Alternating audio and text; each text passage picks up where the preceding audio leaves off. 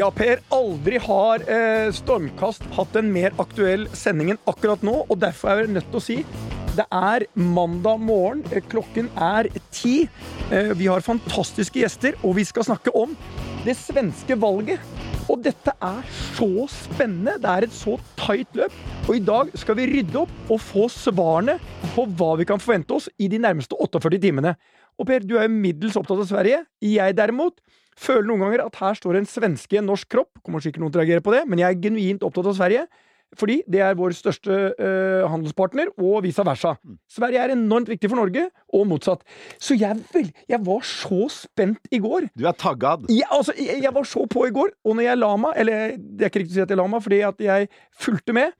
Da var det venstresiden, eller sosialdemokraterne med støtte, som uh, lå an til å vinne. Og midt på natten, når jeg måtte opp, da hadde det plutselig vært helt likt, og når jeg våkna, så var det motsatt. Så nå er vi Og det er så Og det, det som kommer til å Men Per, det som er interessant, det er et close race. Hva tror du kommer til å avgjøre? Nei, det må du ikke spørre meg om, jeg har ikke peiling på det. Men det sies jo at disse paraplydrinkstemmene, da, altså svensker bosatt i Spania, Thailand og andre deler av verden utenfor svenske, Sveriges grenser, kommer til å avgjøre. Ja, det kalles da utenlandsstemmene. Ja. ja ikke noe sånn paraplydrinkgreie. Nei, det er, ikke, det er, det er ikke, min betegnelse, det er svenskenes, ja. og den er ikke så veldig Men da skal du tenke på en ting. Eh, kan, kanskje for første gang i historien så kan faktisk eh, et selskap, og vi har jo disclaimere som heter Scene, som driver med sånne yes. vi videoreklamer direkte til eh, folk. Det er veldig gøy. De er... kan være med å avgjøre det svenske valget. Det er jo et teknologiselskap vi har investert i. Ja, og nå har vi sagt det. Men for de kan avgjøre De retta en kampanje direkte mot disse utenlandssvenskene, yes. som blir helt avgjørende. Og da Christian Syse, tidligere diplomat, sist vi møttes, var på 17. mai i den svenske ambassaden. Nå jobber de i avdelingen for Europa eh, eller noe i eh, Utenriksdepartementet. Men Christian, nå må du fortelle. Er analysen fra Per og Petter korrekt? Er det dette som vil avgjøre eh, hvem som skal sitte ved makten i Sverige? Ja, takk for invitasjonen til dere begge. Og Petter Stordalen, du, det står stor respekt av ditt arbeid og den, din interesse for Sverige. Det er en interesse du og jeg deler. Jeg ser tilbake på uh, den tiden vi hadde sammen i Stockholm med glede. Stå på! Takk. Når det gjelder deres analyse av utenlandsstemmene, ja, nå kommer det Olof Palme Olof Palme sa i sin tid at det var skattesveitsere som avgjorde et valg. Det er altså svensker i utlandet. Det skjedde i 1979. Da tippet flertallet på grunn av utenlandsstemmene. Da fra Olof Palme selv til Torbjørn Feldin, som så dannet en borgerlig regjering. Men dette er jo over 40 år siden. Nja, altså de aller seneste tallene fra valgmyndigheten, som det heter der borte, de viser jo at det faktisk er et, eh, hva skal man kalle det, Eh, sentrum høyre, blått, eh, borgerlig i gåseøyne flertall på marginen. Med 175 mot 174 mandater i Riksdagen. Så det er ikke gitt at den blå siden er avhengig av disse utenlandsstemmene. Hmm. Ja, hva mener du med det? Det er ikke gitt? Altså, du mener, øh, Hvordan fordeler disse utenlandsstemmene seg vanligvis sånn det vet man faktisk ganske mye om. Eh, for det første er det ikke bare utenlandsstemmer, det er en god del forhåndsstemmer som heller ikke er opptalt. Eh, men det er noe så. Forhåndsstemmene kan vel kanskje reflektere befolkningen som sådan. Men utenlandsstemmene, der viser det seg at Moderaterne, altså svensk Høyre, eh, stort sett er, gjør det bedre enn i riket for øvrig. Men ikke bare det, visstnok også Miljøpartiet, mens Sosialdemokraterne gjerne gjør det dårligere, og det gjelder også Sverigedemokraterne. Utenlandsstemmen, altså. Hilde, Hilde Sandvik, eh, mest kjent fra podkasten Norsken, svensken og dansken, som for øvrig jeg er stor fan av. Eh, så hva, hva, er ditt syn? Hvor nøye følger du med på dette? Hvor interessert er du? Jeg er selvfølgelig superinteressert, for her står faktisk Sverige overfor en giga-identitetskrise. For her har altså eh, den sosialdemokratiske siden, altså hele denne blokken, de har altså kjempa og kjempa med nebb og klør for å late som at SD ikke fins. Og så har altså de klart det på den måten at SD har styrt hele valgkampen hvis vi skal være helt ærlige. Ja. De fikk sette agenda for absolutt alt. Ja. Eh, og det gjør at det er mange i Sverige som våkner i dag og enten har panikk eller til og med kan gråte litt, og, og tenke at alt det de slåss og kjemper med nebb og klør for, det er nå rett og slett gone. Jeg tror dette er rett i kjernen av hva vi har sett, men så er det, Kristian, du som har fulgt med norsk, nei, svensk politikk. Den demoniseringen av Sverigedemokraterna Altså, er, er, det som Hilde sier, at dette var et feilgrep? Og det å uteslutte nå hver femte svenske, er det et feilgrep fra sosialdemokratenes side? For jeg opplevde det på akkurat samme måte. De, liksom, de var demonisert. Aller først deg, Hilde Sandvik. Det er kjempeflott sånn som du driver eh, norsken, svensken og dansken. Det bidrar til kulturforståelse, og det bidrar også til noe annet. Det bidrar til skandinavisk språkforståelse. Honors, kjempebra. Du, skandinavisk språkforståelse. I dag hørte jeg på svensk, altså på NRK så hører jeg på en svenske Som har en dubba. Som dubber Ja, det, men det er jo Men altså, jeg, jeg, jeg, jeg altså, altså, Er det den datagenererte dubbingen? Ja, datagenerert ja, dubbing. Altså, hvor er det vi er på vei? Ja, men det er den synstolk... For dette har jeg kritisert og kritisert, men det er synstolkning, har jeg nå blitt meg fortalt ja. mange ganger. Men jeg syns ikke det hjelper uansett. Men vi sporer av. We digress. Vi, vi, vi, til, ditt, eh, til ditt spørsmål. Jeg tenker, uh, ja, det er mulig det, Hilde, at det er mange som våkner opp uh, og har dårlig samvittighet eller et eller annet. Vel, det er mulig det. Jeg er bare en enkeltdemokrat, jeg. Jeg forholder meg til eh, det som faktisk er valgresultatet. Og det seneste nå viser jo da at uh, Sverigedemokraterna vil få over en femtedel av stemmene i Sverige. Det får man rett og slett forholde seg til. Og hver fjerde mann. Og hver fjerde mann, særlig blant menn, står det jo veldig sterkt, som, uh, som du sier. Men det er ikke bare Sverigedemokraterna som er en kraft her. Uh, grunnen til at mye av valgkampen har vært kjempet på Sverigedemokraternes premisser, det er jo at de rett og slett tar opp spørsmål som veldig mange svensker er opptatt av. Dette vet man fra akademiske undersøkelser. Og ikke bare det. Eh, andre partier, herunder Sosialdemokratene, har jo posisjonsforflyttet seg i rasende fart, mm. og snakker om saker som Sverigedemokraterne bare for kort tid siden, i hvert fall hvis man går et par år tilbake, var alene om. Og det er jo Sosialdemokratene har jo latt som om dette ikke eksisterer fryktelig lenge. Eller de, de, har snakket om det, men de har ikke snakket om det som, på en måte som gjør at folk tenker at dette er relevant for meg. Eh, og det tenker jeg jo er den store, store bommerten som en har gjort. For det når, når en hører altså Magdalena Andersson i denne valgkampen plutselig bruke et ord som Somalitown, så er det jo sånn, hadde det skjedd for bare noen få år siden, så ville, ville, ville det ha blitt skapt ramaskrik. Da Tobias eh, Billstrøm Strøm, som var integreringsminister for Moderaterne i sin tid, sa at nå er vi nødt til å begynne å snakke om volumene i innvandring, så ble han altså eh, kjeppjager eh, av så mange folk. Fordi bare det i seg sjøl var vanskelig å snakke om. Men det er bare, bare temaene har jo vært jeg, jeg, vet ikke om rekkefølgen på det, men det var eh, kriminaliteten, mm. sjukvården og energi. Energi kom på slutten som en rakett. Og der gikk jo Magdalena Andersen ganske hardt ut, for hun tok jo ære for hele EUs uh, forslag om å halvere, som hun sa, energiprisene. Jeg trodde det skulle falle i hennes retning, men uh, det har det åpenbart ikke gjort i like stor utvikling som jeg trodde. Men spørsmålet er følgende.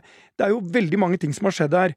Hvis du går inn på mer detaljene, sånn som liberalerne, hva skal det være? Er det Venstre vi snakker om da?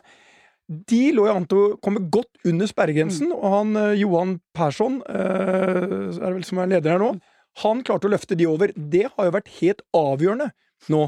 Men er det ikke sånn at eh, de sier samtidig at de ikke vil samarbeide med Sverigedemokraterna, mens Ebba Busch Thor og Kristdemokraterna de vil delvis samarbeide, delvis samarbeide. De vil ikke ha det i regjering. Nei, Nei. men de vil samarbeide. Mm. Men kan, rydd opp i dette. Hva mm. er det vi tror skjer? Nå kan dere velge.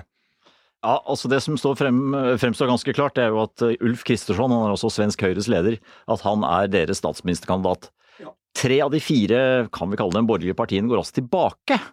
Attpåtil Moderaterna går tilbake etter åtte år i opposisjon. Det i seg selv er jo verdt et studium, da. Vel, vel. Eh, og de to andre partiene, Kristdemokraterna Kristdemokraterne som du viste til, og Liberalerne går tilbake. Men det er ingen tvil om at det er Ulf Kristersson som vil være en samlende figur på, på høyresiden som statsministerkandidat. Men så kommer han til Sverigedemokraterna noe annet enn at de ville få betydelig innflytelse, det ville kanskje være litt udemokratisk, da, når de først eh, utgjør et eh, flertall, knapt flertall i Riksdagen, ser det ut til. Men igjen går jeg tilbake til at det er mange av de tingene som SD har vært alene om i debatten i mange år, som egentlig begynner å bli fellestankegods. Men det er, jo, eh, det er jo interessant at eh, det er, bare, det er, bare, Hvis vi ser bort fra Miljøpartiet som går litt grann frem, så er det jo bare to partier i den svenske valgkampen som ser ut til å ha fremgang i mm. dette valget fra forrige valg, og det er nettopp Sverigedemokraterna og Sosialdemokratene. Mm. Og de to partiene ser ut til å ha lykkes at alt handler om de to. Og, alt, og, og er det innvandring og kriminalitet, gjengkriminalitet, som er sånn, frontlinjen i kampen mellom de to om å vinne svenske velgere? Ja, Det rykka jo opp eh, i løpet av sommeren. Eh, målinger i august viste jo at da hadde faktisk kriminalitet, eller lov og orden, rykka fullstendig, kommet helt på topp. Mm. Og det har det jo aldri vært på den måten før i et valg. Men da valgte jo sosialdemokratene å ha én kampsak i valget, og det var Magdalena Andersson.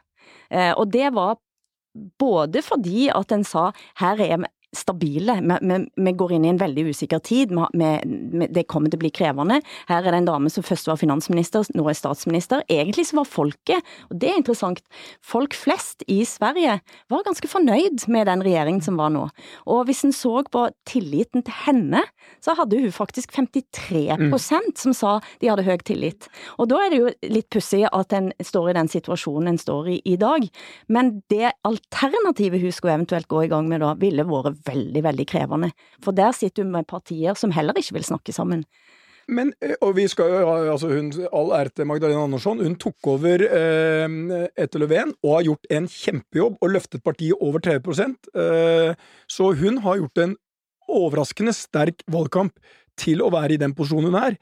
Men en annen ting. Annie Løf i Senteren har gjort et overraskende dårlig valg.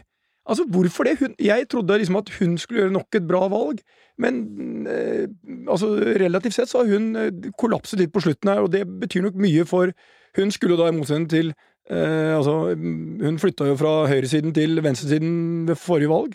Prøver jeg å se Nå ser jeg febrilsk på de to på andre siden her. Hun gjorde det. Nei, jeg ser ikke på Per. Der er det ingen hjelp å få. Nå er du klok, Petter. Nå, nå, nå, god. Nå, er du god.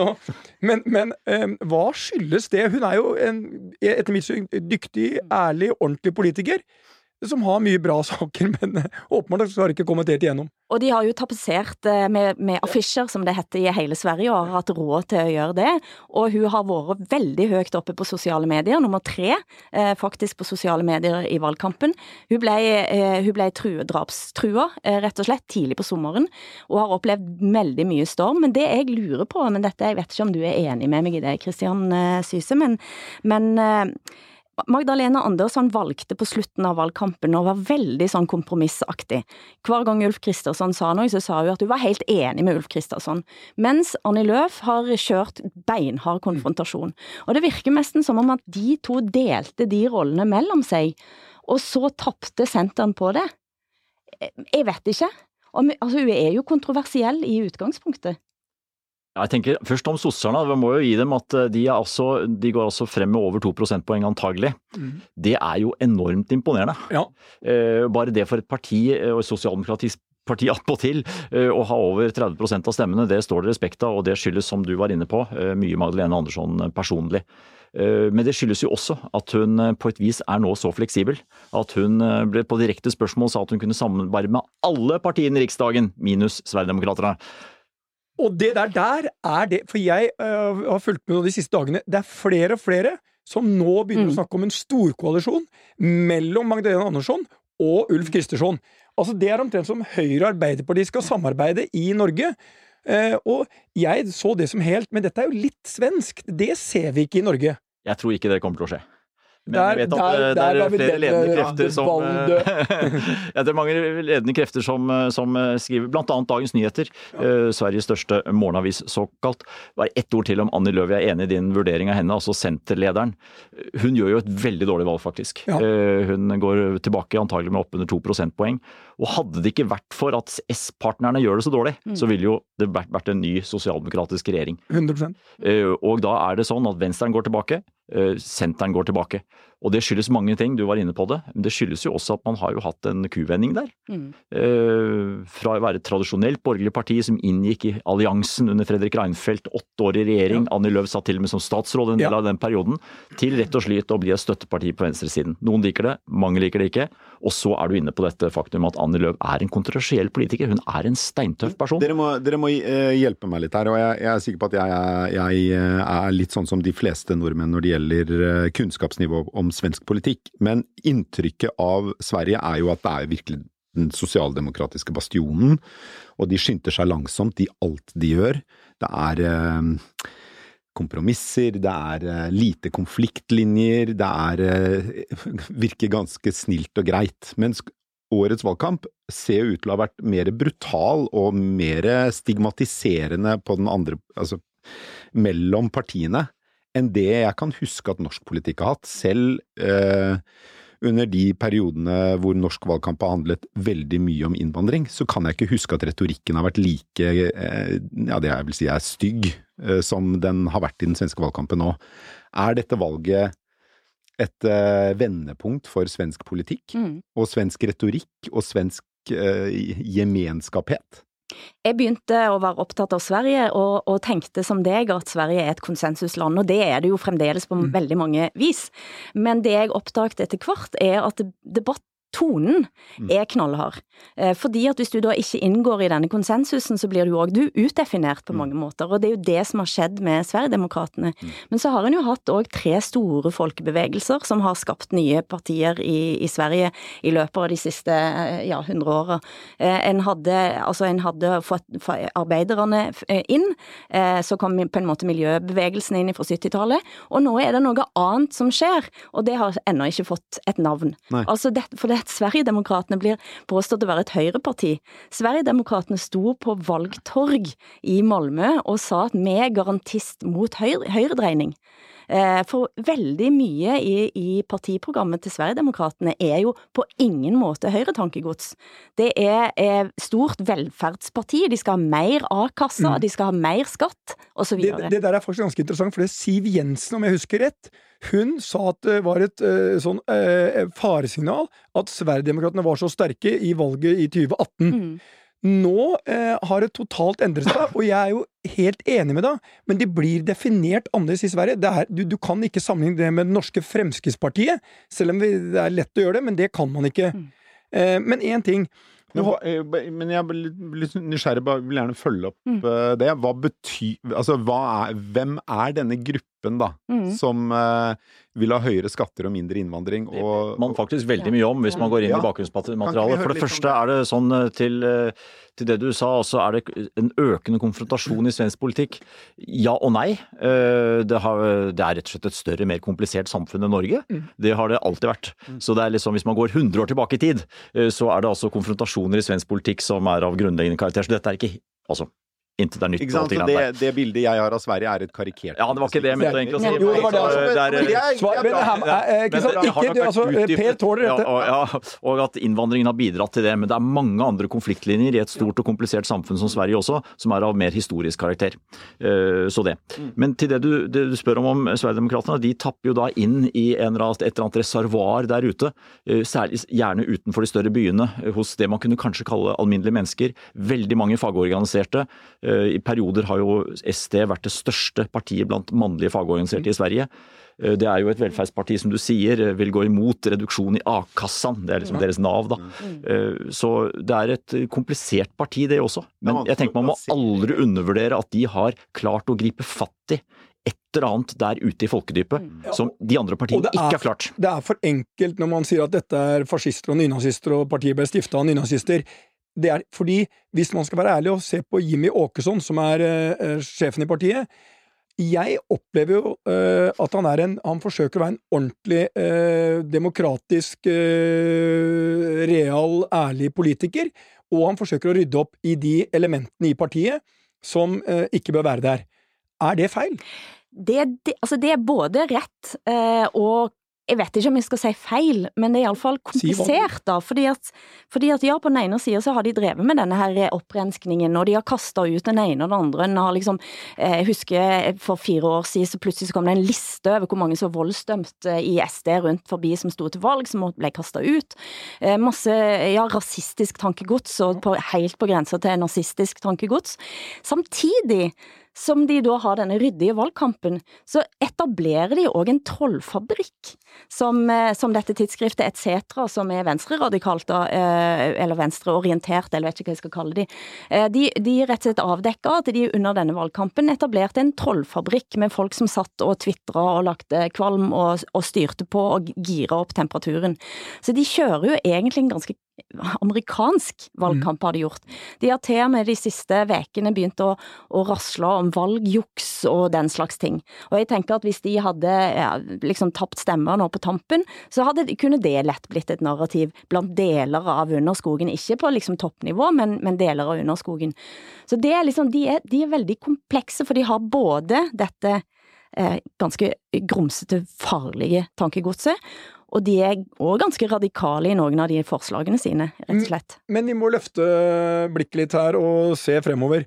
Hva blir La oss nå uh, anta, basert på analysene deres og ikke Per sin analyse, at uh, det er uh, høyresiden som vinner. Hva er det mest sannsynlige samarbeids... Liksom, er, hvordan vil regjeringen se ut? Og hva er de viktigste sakene som en ny regjering må håndtere nå på relativt kort sikt, altså nærmeste året? Altså Til det vil jeg svare at eh, det mest sannsynlige scenarioet dersom det blir et sånt sentrum-høyre-flertall i Riksdagen, det er en eh, moderat pluss KD, altså Kristendemokraterne, regjering. Ebba Busch Thor, falukorvens store ja, PR-geni. Med, mindretallsregjering. Med en, min, en mindretallsregjering, ja, men som har en samarbeidsavtale med Sverigedemokraterna, mest komplisert, men også liberalerne, litt komplisert det også, ja. i, i, i, Riksdagen. Det tror jeg er det mest sannsynlige scenarioet. Og hva er det man da griper i fatt med?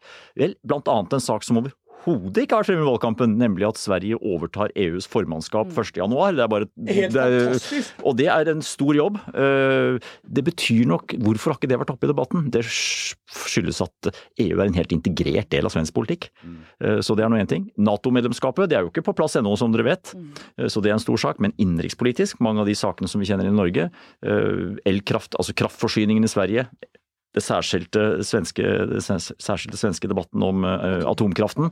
Uh, det er store spørsmål. Og så selvfølgelig det som jo er SDs uh, eh, Hva heter det på fransk? altså, jo, deres raison d'être, nemlig det, kriminaliteten og innvandringen. Ja, analysen din, faktisk, det glemte vi å si.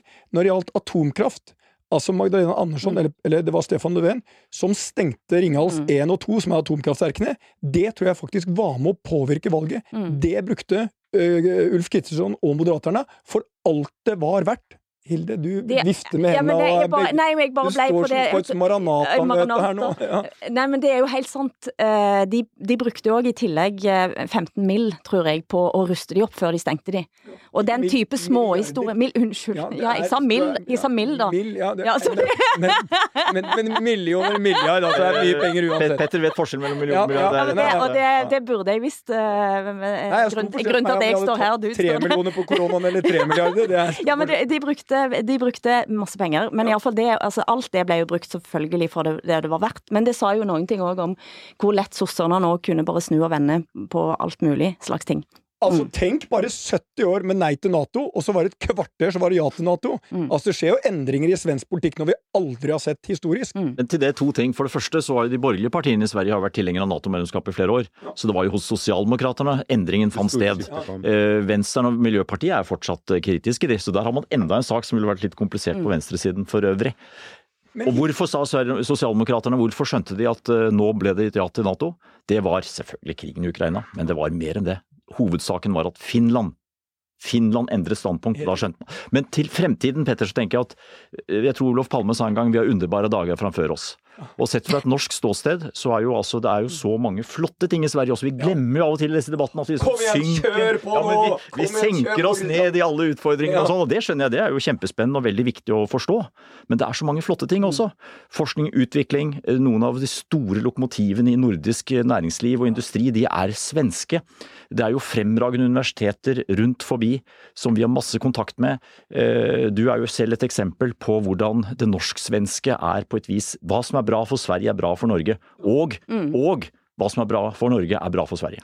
Ja, og denne her liksom, skadefryden som nordmenn kan kjenne når det går dårlig med Sverige, det er en veldig kortsiktig greie, altså.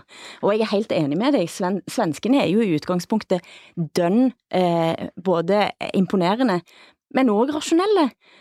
Og vi kunne jo snakket om covid her, og sikkert diskutert det opp ned i mente, men det lå jo òg en slags rasjonalitet i bunn. Mm. Eh, og jeg tenker jo òg at hvis vi ser til ja, både Fremskrittspartiet i Norge, men Dansk Folkeparti i Danmark, det som skjedde med Dansk Folkeparti eh, når, da, når, de da fikk påvirka i uh, ja, det danske Fremskrittspartiet, var jo at alle de andre partiene overtok deres politikk, mm. og da smuldra hele grunnlaget for Dansk Folkeparti.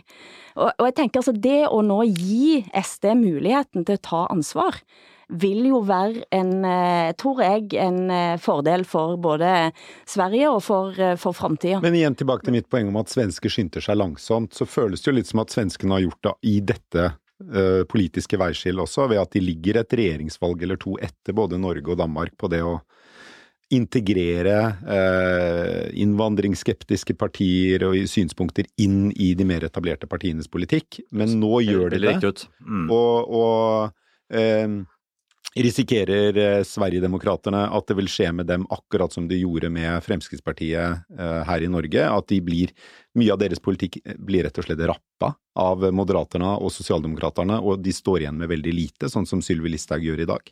Det tror jeg er en helt riktig vurdering, og det har skjedd jeg tror jeg allerede. Ja. Man kan nesten, Hvis man skal karikere litt, så kan man si at det er litt overraskende Sverigedemokraterna gjør det så bra. Ja. Fordi det er så mange av deres standpunkter som nå er blitt, i hvert fall sentrum-høyre, er blitt så allmenne. Ja. Og Moderaterna og Kristdemokraterne i særdeleshet, de har jo en retorikk nå, og en substans i sin politikk, som ville vært utenkelig for noen få år siden, men som minner om Sverigedemokraterna. Ja. Og det reflekterer rett og slett bare det faktum at det adresserer også spørsmål som er viktige for velgerne. Fordi du kan vel på en måte si at selv om, det er, selv om Sosialdemokraterne trolig mister regjeringsmakten, så er de dette valgets store vinner. Ved at de i det hele tatt har klart å vokse under så krevende forhold, etter så mange år i regjering, men de har jo aldri fått testa seg. Nei. Og det er jo det, at kanskje folk tenker nå at det, altså de, de, må få testa det. Men, mm. men, når vi ser på det, eh, for jeg, jeg blir jo nesten lei meg når eh, sentrale norske politikere snakker om svenske tilstander og prøver å skape en form for polarisering mellom Norge og Sverige. Fordi eh, vi er våre beste naboer, og jeg vet ikke om liksom, jeg går for langt, men det er jo imponerende av et land som Sverige, som ikke har olje og gass som fortsatt har kanskje den mest øh, sterkeste balansen, litt for enkelt mm. kanskje, eh, altså gjeld i forhold til bruttonasjonalprodukt, jeg tror de har 25 ja. Imponerende hva de klarer å skape av internasjonale industribedrifter. Og det er ikke tilfeldig at det derre Cern-prosjektet som skulle få sin andre enhet, er i Jönköping de etablerte, tror jeg, altså i Skåneregionen, mm. um, som skal være 8000 forskere. Og eh, jeg tror det er en evne til å tilpasse seg eh, eh, i Sverige som er ganske imponerende. Og så har vi noen ting som er ting vi aldri må undervurdere. Embetsverket i Sverige er som embetsverket mm. i Norge. Det er solid. Og uansett om vi nå får en eh, A- eller B-regjering, så som jeg sier, embetsverket det er skinnegangen, og så setter du toget og politikerne oppå der, og så kan de forsøke å gå veldig mye til høyre eller venstre. Det tenke, ja. Om det er Siv Jensen eller Kristin Halvorsen som er finansminister, spiller ikke så mye rolle så lenge vi har Finansdepartementet. Eh, som, som, som, som er, det er, Og det er litt det vi skal være glad for. Um, og vi skal hylle de langt mer enn det vi gjør i dag. Men du svarte ikke på én ting, um, uh, Hilde. Hva tror du er den mest sannsynlige utfallet? Nå sa Kristian at det var liberalerne og Sverigedemokraterna som ble holdt på utsiden, mm. mens Moderaterna og Ebba Busch Thor eh, med Kristdemokraterna på innsiden. Mm. Hva tror du? Det er jo det Ulf Kristersson vil, iallfall. Uh, Jimmy Åkesson sier selvfølgelig vi skal i regjering. Det sier veldig eh. Uh, sier veldig tydelig. Og det kommer jo sikkert til å bli noe en enorm hestehandel uh, foran oss. Men de har ikke, jeg tror ikke de har så lang tid som de hadde forrige gang, for det tok jo år og dag før det ble en ny regjering. og denne talmannen som skal surre rundt. ja, det, ja, han, surrer, han gjorde en kjempejobb? Ja, men jeg mener altså, Du mener det positivt? Jeg mente det, positivt, jeg mente det positivt, for jeg, jeg elsker talmannen jeg ser dette dokketeateret. Jeg sier ikke surre rundt, så jeg vet ikke om du oppfatter det som positivt. Men, Nei, men nå når du sier til mannen din du må slutte å surre rundt, tar han det som et kjempekompliment. Men altså, jeg surrer rundt sjøl, da. Jeg tenker at det, men, men, men talmannen er topp. Eh, og nå får han sikkert fortsette, og det er jo bra. Det er du sikker på? Eh, ja, nå er, nå er, det jo Moderaterne som er på plass, og han har iallfall signalisert at han gjerne vil fortsette. Han vil fortsette. Har dere sett dette dokketeateret på TV med talmannen? Han har sin egen dokke på SVT. Fantastisk. men, men han, husk at han må han, først gå til må, Jimmy Åkesson. Han må først gå til Jimmy Åkesson, for han er jo, altså, han er jo størst på, på den sida. Men greia er, og det må vi kanskje snakke om, altså en, en skal jo slippe en statsminister fram, som det heter i Sverige. Eh, og, og det er ikke gjort i en håndvending. Eh, og Det betyr da at du må ha et negativt eh, tall, altså standpunkt mot deg for å gå av. Og Det betyr at det skal være først en avstemning om statsminister, og så skal en stemme budsjett. Det er riktig, og det er ikke sikkert hun kom, Magdalena Andersen, som vi har sett henne, kommer ikke til å gå av før det er en avstemning. Eh, så det blir også spennende. Men, så, så du kan si Eh, Men svaret er jo egentlig at jeg tror jo dette er Altså, dette er sikkert det mest realistiske scenarioet, men det kommer til å være så mye smerte og blod og tårer det, før det. Her må liberalerne være med å gi, og Sverigedemokraterne. Men i motsetning, og Kristian, her må du korrigere meg, liberalerne de stemte vel for en sosialdemokratisk regjering for, i 2018. Denne gangen så er, så er vi mye tryggere på at det ikke skjer. Ja, det tror jeg nok er helt riktig. Det har vært eh, altså, Det var en som fortalte meg at jo mindre liberalerne blir, jo mer uenige er de seg imellom. Uh, og uh, ja, det, ja, det, skal ikke jeg ta stilling til. Uh, det er riktig. De altså, aksepterte den sosialdemokratiske regjeringen noe som het januarøverenskommelsen i tidlig da, januar 2019. Vi, vi, vi, må jo anta da at det blir et regjeringsskifte, men for å runde av. Når, når er en ny statsminister på plass? Det er veldig interessant for oss som er litt, sånn, litt nerdeinteressert. Ja. Eh, for i Stortinget så har man jo ikke votering om statsminister. Det har man i Sverige, som du var inne på, Hilde, etter Grunnloven. Eh, og en statsministerkandidat må ikke få flertall mot seg. Man behøver ikke ha én eneste ja-stemme. Dette er veldig interessant, faktisk. Eh, det kommer jo selvfølgelig Kristersson til å få. Men clouet er ikke å ha flertallet mot seg. Mm. Og Riksdagen trer sammen 26.-27. september. Så i slutten av måneden så har vi trolig en ny statsminister i Sverige. Det tok veldig lang tid forrige gang. Hvor mm. mange dager tok det? Det tok 134 dager, ja. men det gjør nok ikke det neste denne gangen. Det var der du hadde da surra han rundt ja, det, for lenge. Ja, det var det, man måtte jo det. Ja. Men uh, skal, skal, hvem skal oppsummere? Det må definitivt bli deg, Petter. Da skal jeg oppsummere på svensk. Um, Ordning og reda. Svaret på uh, fredag altså Jeg tror egentlig uttrykket er ordning og reda, lønning på fredag. Uh, men denne gangen får vi svaret på onsdag om eh, hvordan det egentlig gikk i det svenske valget. Her har vi hatt de som oppsummerte, og begge er klare. Det blir regjeringsskifte, men det blir meget spennende å se hvilken konstellasjon er det som skal sitte ved makta i de neste årene. Og jeg er ikke sikker på at Jimmy Åkesson og Sverigedemokraterna vil gi seg så lett og ikke få noen ministerposter her. Nå har de en, en sjanse til å få kanskje fem-seks ministerposter, men jeg så også på Ebba Busch Thor, som gjorde et dritt dårlig valg, overraskende for alle. Men hvorfor var hun blid? Hun ser nok seg selv som en sånn slags visestatsminister her. Eh, sånn jeg opplevde for du står ikke der med så er, dårlig tall. Det er dama med fallekorven? Det er dama med fallekorven, som har vært meget kontroversiell, danset på Stureplan og gjort mange ting. Men som en kristeligdemokrat så var hun overraskende fornøyd over et dårlig valg, og det er hun kun når hun vet at her kan jeg få en fantastisk posisjon. Og med den eh, usedvanlig dårlige oppsummeringen av det svenske valget etter å ha hørt på de proffene, så ses vel vi neste uke, Per? Ja, vi gjør det. Tusen takk skal dere ha, Kristian Syse og Hilde Sandvik, for at dere kom i studio. Og så snakkes vi igjen neste uke. Det gjør vi.